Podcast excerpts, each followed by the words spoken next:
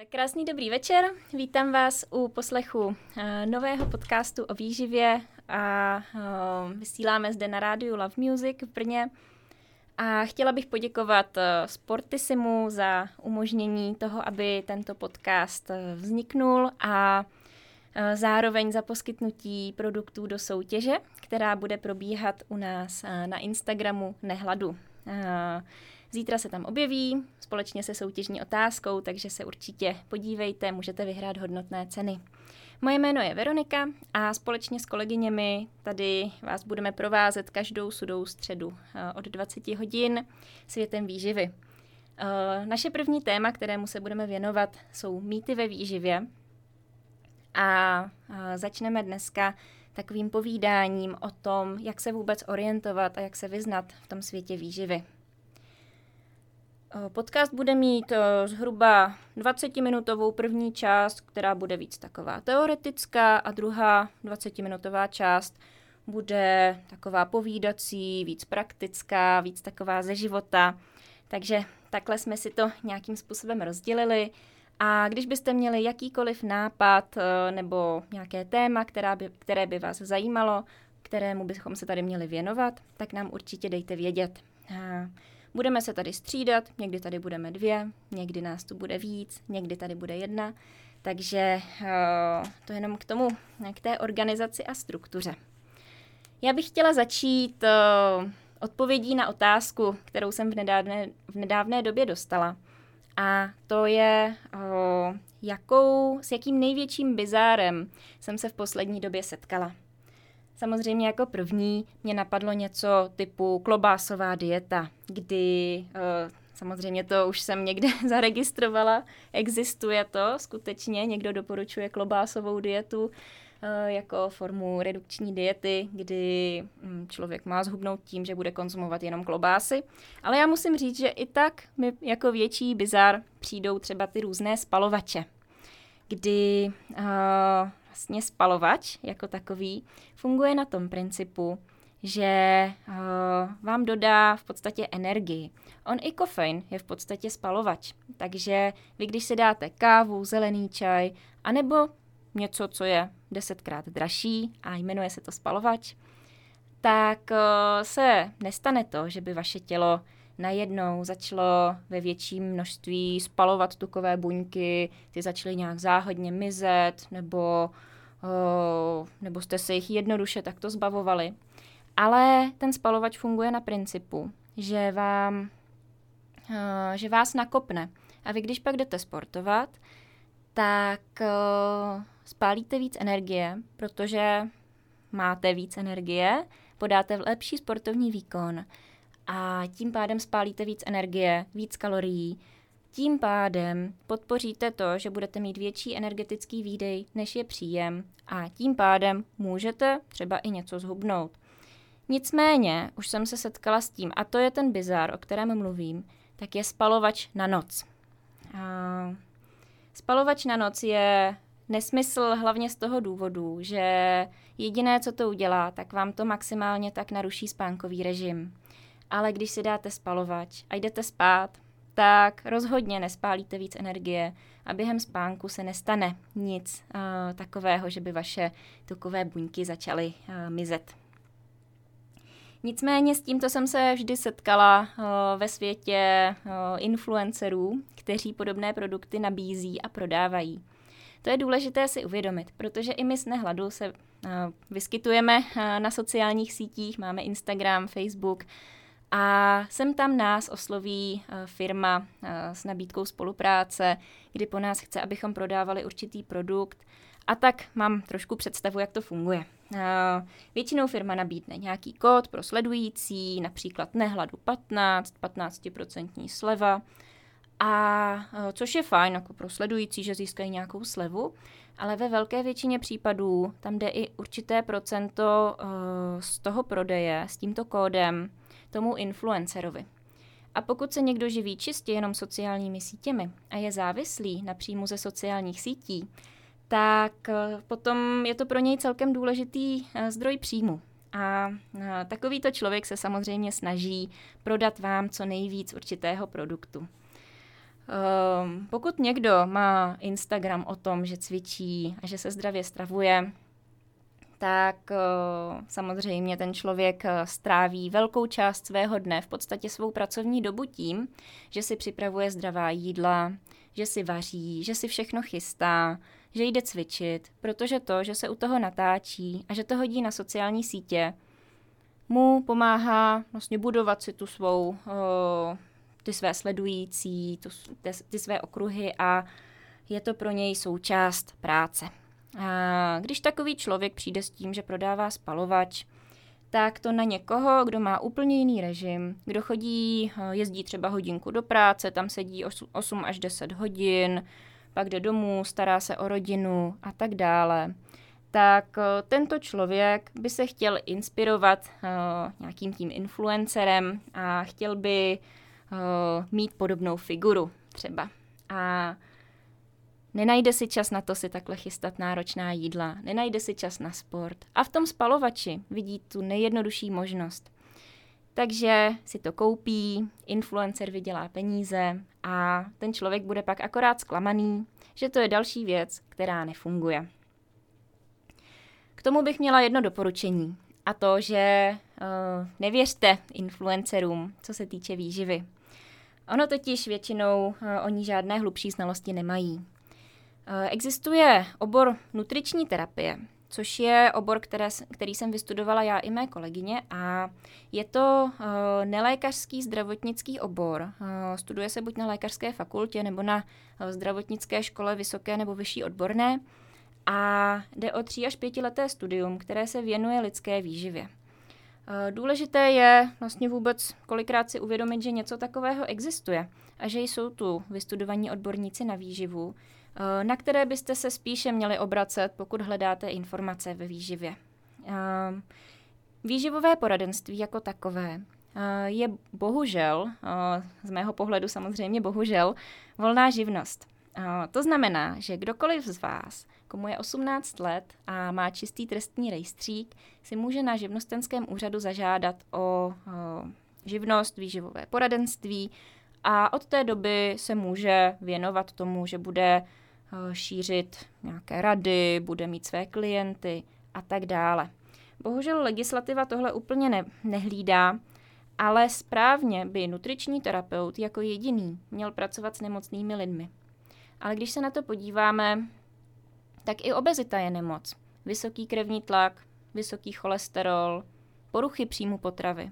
To všechno se dá považovat za onemocnění, tím pádem by výživový poradce bez zdravotnického vzdělání neměl těmto lidem vůbec radit. Praxe je bohužel však jiná a tak doporučuji ve chvíli, kdy hledáte poradce, snažíte se najít někoho, komu se svěříte do rukou, od koho si necháte sestavit jídelníček, tak koukat na jeho vzdělání. To samé potom platí, když čerpáte informace z nejrůznějších výživových článků, čtete knížky nebo koukáte na videa. I těch je na internetu spoustu, protože mnoho lidí uh, si zakládá svou praxi čistě na tom, že se jim třeba podařilo zhubnout 10-20 kilo, nebo mají zkušenost třeba s nějakými trávícími potížemi, které se jim podařilo vyřešit, případně mají rodinného příslušníka diabetika. A to všechno jim dává pocit, že o těchto tématech mohou psát a mluvit. Oni samozřejmě mohou. Máme tady uh, svobodu slova. Nicméně potom to může být uh, velice matoucí ve chvíli, kdy vy si do Google zadáte uh, nějaké výživové heslo a věřím tomu, že spoustu z vás už něco takového hledala. Když zadáte do Google hubnutí nebo trávící potíže, diabetická strava, dětská výživa, tak ty informace, které najdete, se budou často rozcházet. A Člověk si pak říká, jak je to možné, že se všichni ty odborníci nemohou shodnout. Jak to, že každý tvrdí něco jiného, to v tom je takový zmatek? Ale odpověď je v podstatě celkem jednoduchá, protože většinu těchto článků nepíšou skuteční odborníci, ale obyčejní lajci. Takže ve chvíli, kdy hledáte informace, opět doporučuji kouknout se, kdo je jejich autorem a dbát na to, aby autor měl vzdělání ve výživě. Další věc, kterou bych chtěla zmínit, je uh, váha studií. Samozřejmě pokud najdete článek, který je řádně ozdrojovaný, najdete tam spoustu studií, které odkazují na nejrůznější publikace, tak to působí hezky, dobře, seriózně. A samozřejmě logicky máme tendenci takovému článku více věřit. Ale je taky důležité uh, poukázat na to, že i vědecké studie mají různou úroveň a existují studie, které jsou provedené v laboratoři, studie na myších a potom existují metaanalýzy, které mají za úkol sebrat vlastně všechny dostupné, seriózní a relevantní studie a podívat se, jak všechny ty studie vycházejí a z toho udělat nějaký závěr. Takže potom ve chvíli, kdy porovnáváme dva názorové tábory a jeden se ohání studií na myších a druhý má v ruce nějakou metaanalýzu, která danou problematiku pojímá velice komplexně, tak samozřejmě bychom se měli přiklonit spíše tomu táboru uh, s tou metaanalýzou. Uh, já se s tím často setkávám u nejrůznějších uh, odborníků, pseudoodborníků, šarlatánů, že i dokážou špatně interpretovat určitou studii, případně uh, tvrdit, že ta studie nám poukazuje na něco, na co vůbec nepou, nepoukazuje. Setkala jsem se s tím třeba uh, v tom smyslu, že byla studie, která prokazovala, že sladidla mohou být rakovinotvorná. A bylo to provedeno na myších, které dostávaly extrémní dávky určitého sladidla, z čehož pak měli rakovinu močového měchýře. Eh, ve chvíli, kdy dáte ať už myši nebo jinému živočichovi eh, extrémní nebo hodně koncentrovanou látku v podstatě čehokoliv, klidně to může být i nějaký vitamín, může to být něco, co považujeme za zdraví prospěšné, ale je to v té vysoké koncentraci, tak to může mít negativní vliv na zdraví. A důležité je vždycky hodnotit, jaká je ta reálná dávka, anebo jestli jsme schopni vůbec takovéhle dávky dosáhnout a potom ještě srovnat, jestli to, co platí pro myš, může platit i pro člověka. Takže ne každá studie má stejnou váhu, ne každá studie automaticky tvrdí to, co si ten, kdo ji vykládá, ten, kdo ji sdílí nebo na ní poukazuje, myslí, že nám tvrdí a no, je důležité se i v tomhle orientovat. Tak, já myslím, že to je k té první části uh, zatím všechno. Teď si dáme písničku a budeme za pár minut na rádiu Love Music pokračovat druhou částí, která bude víc taková prakticky zaměřená. Posloucháš rádio Love Music.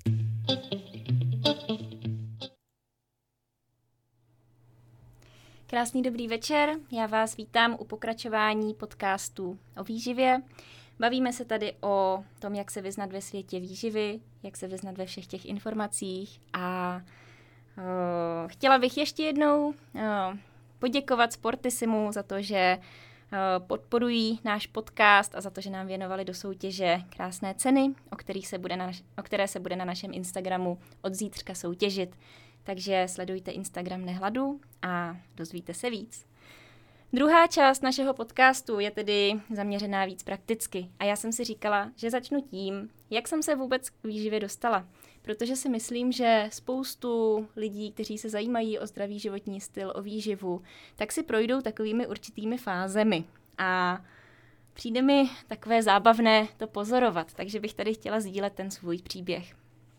Já jsem se poprvé o výživu začala více zajímat, když jsem v 17 letech byla na ročním pobytu v USA a žila jsem s americkou rodinou. A člověk to sice ví a slyší o tom, jak je Amerika plná obézních lidí a jak tam jezdí ti obézní lidé v tom invalidním vozíku na nákupy a jak tam vlastně všichni pořád jenom jezdí autem. Ale když to vidí v reálu, tak je to docela šok. Takže já jsem se vyděsila, že když tam budu ten rok, takže budu pak taky taková. A uh, trošku mě to začalo zajímat. Hmm. Zároveň i jako naprostý like jsem viděla, co je špatně, protože skutečně jsem byla v městě Little Rock v Arkansasu což je takový typický stát eh, jihu Severní Ameriky. A tady ta část je typická tím, že tam nejsou chodníky, že všechno je takové, všechno je vzdálené, všichni opravdu jezdí autem a ta obezita tam je hodně rozšířená. Takže já jsem začala venčit psy, které ta rodina, u které jsem bydlela, měla a ti psy najednou zhubly. Takže to bylo pro mě takové zajímavé. Nicméně samozřejmě i já jsem potom v tady tom prostředí začala přibírat, což pro 17-letou dívku není nic příjemného a tak jsem se rozhodla, že to chci nějak zastavit.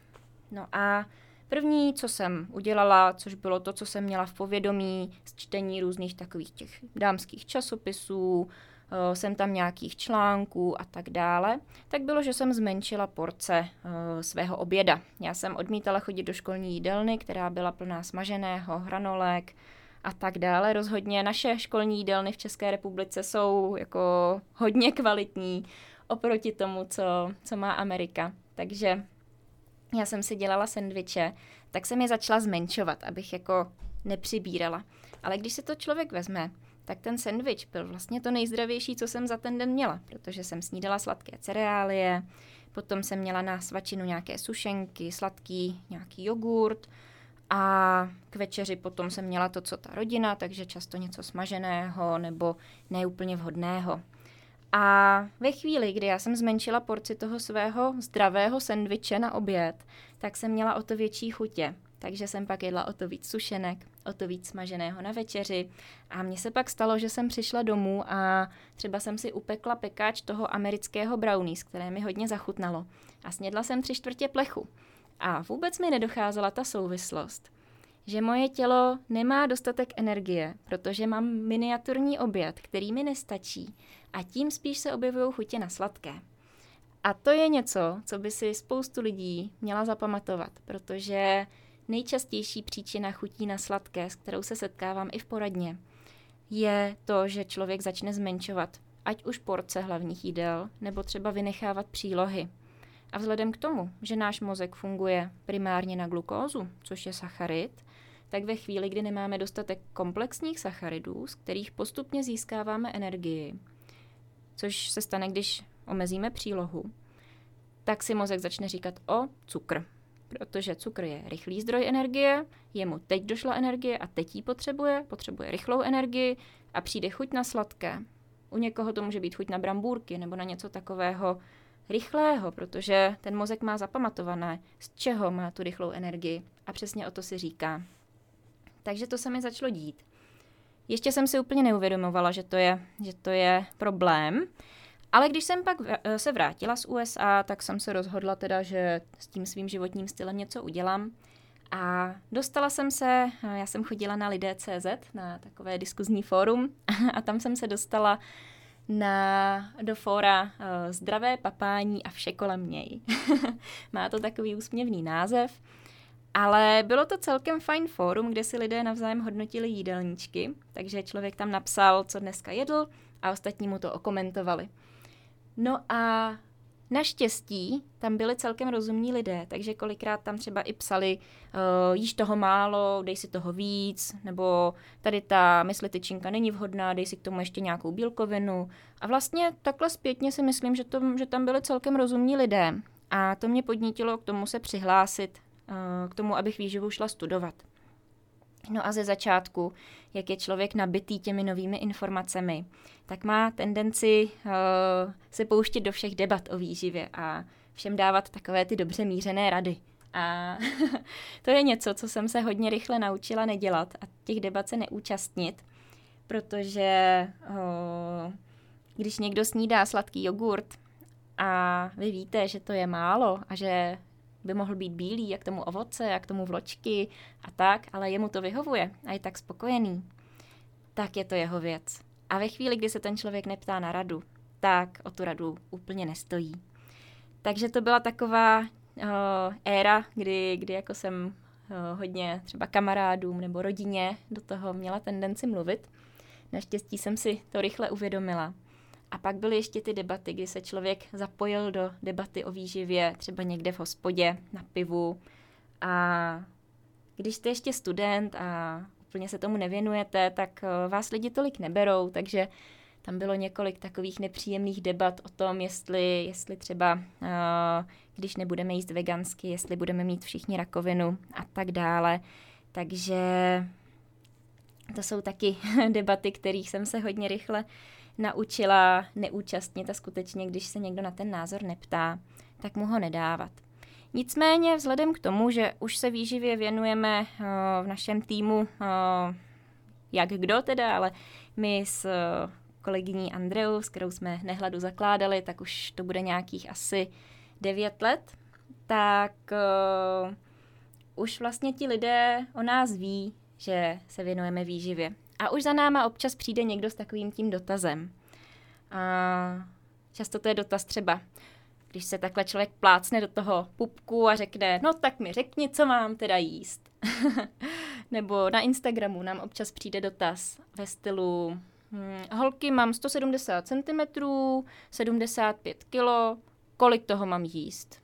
A tam je důležité teda říct, že tohle je tak neskutečně individuální, že na takovýhle dotaz uh, v životě nebudeme schopné odpovědět nějakou relevantní odpovědí, pokud nemáme o tom člověku dostatek informací a ideálně neviděli jsme jeho dosavadní jídelníček. Takže uh, zase, pokud třeba po někom budete chtít rady nebo uh, víte o někom, kdo je nutriční terapeut, případně studuje nutriční terapii ve vašem okolí a chcete se ho zeptat na radu, tak doporučuji spíš si domluvit už tu individuální konzultaci a dát si třeba hodinku na tohle téma, probrat všechno potřebné, protože i dva lidé, kteří měří stejně, váží stejně, uh, tak nemusí jíst stejně, aby měli stejný výsledek. Hmm. Je to neskutečně individuální. A ještě bych chtěla zmínit jednu věc jak jsem tu mluvila o těch studiích, tak ono je sice hezké vědět, co tvrdí nejnovější studie uh, o výživě, ale nesmíme zapomínat, že zdravý životní styl jako celek je vždycky kombinací několika oblastí.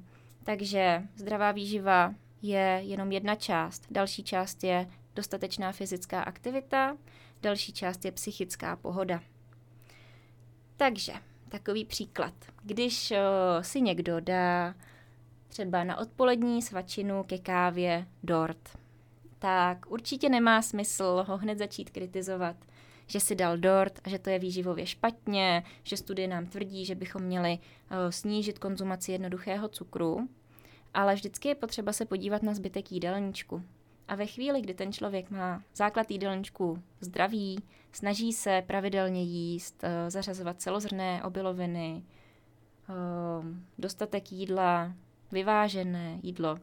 A pak si dá ten jeden dort, protože si ho prostě chce dát, protože na něj má chuť, tak je to úplně v pořádku. A sice neexistuje studie, která by nám tvrdila, že si máme dát dort dvakrát týdně odpoledne ke kávě a pak budeme šťastnější ale musíme si zachovat nějaký ten i jako selský rozum nebo nějakou tu lidskost a najít, ba- najít balans mezi tím, co je ten perfektní jídelníček, co je ta psychická pohoda a co je dostatečná fyzická aktivita. A ve chvíli, kdy si zakážeme všechno, co máme rádi, tak se spíš stane to, že nám to bude chybět a že budeme myslet na to, až si to jednou dáme. A pak přijde slabší chvilka. My budeme smutní, naštvaní nebo unavení a půjdeme a dáme si ten zakázaný dort. A pak si to budeme vyčítat a budeme si říkat, no tak když už jsem to zkazila jednou, tak už to nemá smysl, tak si dáme ještě jeden dort a na večeři hranolky a po hranolkách chipsy a pak ještě majonézu a zapijem to kolou a vínem. A takhle pokračujeme třeba celý týden, protože už to nemá smysl a sbíráme další týden ještě motivaci k tomu, abychom zase začali s tím perfektním jídelníčkem. Tak prosím vás, tohle je nejčastější příčina jojo efektů. Uh, jojo efekty nejsou úplně tak o tom, že by člověk uh, jedl málo, málo, málo a najednou začal přibírat. Ale je to o tom, že jí málo, a pak to nevydrží, protože si toho příliš mnoho zakazuje a zákonitě přijde takovýhle výkyv, kdy najednou toho jídla tam je mnohonásobně víc a uh, to je ten problém. Takže vyvážit to tak, abychom si nezakazovali to, co máme rádi, ale zařazovali to v nějaké menší míře. Sem tam, jednou za čas, aby to nebyl základ toho jídelníčku. Takže, jak jsem říkala, tohle to žádné studie nevyčtete, ale je potřeba i tohle brát v potaz a to považuji za takovou jako spíš psychologii té nutriční terapie.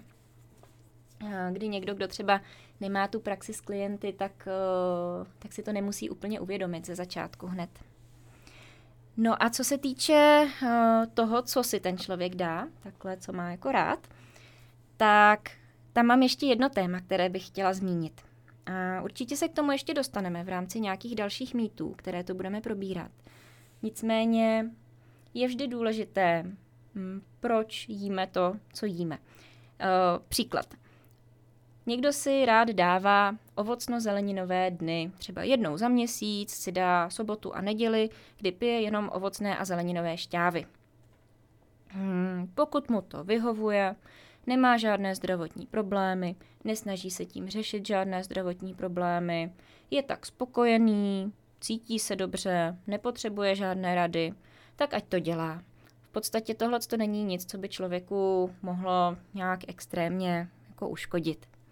Ale ve chvíli, kdy člověk začne hlásat, že pije ovocné a zeleninové šťávy jednou za měsíc proto, aby vyléčil rakovinu, nebo aby se vyhnul civilizačním onemocněním, nebo mm, něco takového, nebo aby se detoxikoval, aby jako podpořil uh, nějaké odplavení škodlivých látek, tak pak je to problém, protože pro tohle neexistuje žádný důkaz, že by to tak bylo.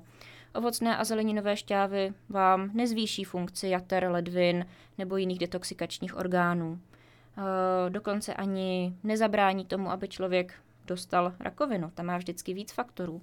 Takže rozhodně, rozhodně tím rakovinu nevyléčí. To už jsem se taky setkala, že vlastně hm, byly případy, kdy člověk uh, zavrhnul úplně tu klasickou léčbu a začal hledat alternativní cestu, což uh, samozřejmě chápu, že uh, člověk ve chvíli, kdy je zoufalý a má takovouhle nepříjemnou diagnózu, tak hledá, ale je důležité opravdu uh, zvažovat, čemu, čemu člověk uvěří, a všechny tyhle v podstatě babské rady, tak žádnou evidenci za, sebe, za sebou nemají a určitě by člověk neměl vynechat tu běžnou léčbu nebo, nebo s ní přestat kvůli tomu, že se dočetl, že ovoce a zelenina nebo třeba jenom jejich konkrétní druhy mu mohou pomoci. Takže v tom je důležité hm, vidět, nebo každý v tom musí najít ten svůj důvod a je důležité vědět, proč to člověk dělá. Pokud někdo pije, jak jsem říkala, džusy z ovoce a zeleniny, protože má rád džusy, cítí se pak dobře, tak je to v pořádku. Ale ve chvíli, kdy věří nějakému mýtu, tak tam už je potřeba dělat tu osvětu a v tom vidím obrovský smysl. A je to i důvod, nebo moje taková hlavní motivace, a věřím, že uh, z nehladu se to, na tomhle celkem shodneme i s ostatníma kolegyněma, že vidíme obrovský smysl v tom dělat osvětu právě proto, aby lidé nenaletěli na podobné rady, aby nevěřili mýtům, aby zbytečně nehuntovali své zdraví v dobré víře, že si akorát prospějí. Protože ve výsledku ona výživa, sice je to věda a je to poměrně složitá věda, žádní dva klienti nejsou stejní a člověk musí mít obrovské znalosti třeba lidské fyziologie, musí znát, jak fungují hormony, celkově lidské tělo, zažívání, trávící trakt. Když se k tomu ještě objevují nějaké nemoce, tak se to celé ještě komplikuje, takže ono je to, je to složité. Ale zase spoustu lidí si tu výživu představuje úplně jinak složitou, než ona, než ona ve skutečnosti je. A mm, potom se bojí jíst takovou tu normální běžnou stravu. Takže určitě, uh, jak už jsem zmiňovala, nemá smysl omezovat přílohy, ale nebo jiné tady ty složky, ale má spíš smysl snažit se mít základ jídelníčku dostatečný, mít uh, zdroj všech hlavních potřebných živin, jíst dostatek ovoce a zeleniny, jíst ryby, mořské plody, vlákninu, sportovat, snažit se dbát i na svou psychickou pohodu a to je stejně ta nejlepší rada, nebo nejvíc funkční rada, kterou člověk může dostat. No, je to to, co se neustále opakuje, ale není potřeba v tom hledat složitosti. Naopak je potřeba se od těch složitostí spíš trochu odprostit a uh, nevěřit uh, takovým těm zaručeným radám, které se dočtete na internetu. Takže když bych to měla schrnout, ve chvíli, kdy hledáte informace, dbejte na, na to, odkud čerpáte. Ideálně, aby ten, od koho čerpáte, měl vzdělání, byl nutriční terapeut, případně alespoň vystudoval něco spojeného s technologií nebo chemií potravin a rozuměl tak těm potravinám. A nevěřte influencerům, když vám tvrdí, že po spalovači zhubnete. Uh, nenechte se, nenechte, nenechte se uargumentovat tím, že vám někdo tvrdí, že něco je pravda, protože to uh, dokázala studie na myších. A neberte to jídlo tak vážně. a tím bych to dneska zakončila. Uh, děkuji všem, kdo jste poslouchali a budu se těšit zase za dva týdny ve stejný čas v 8 hodin večer v sudou středu v měsíci. Krásný zbytek večera.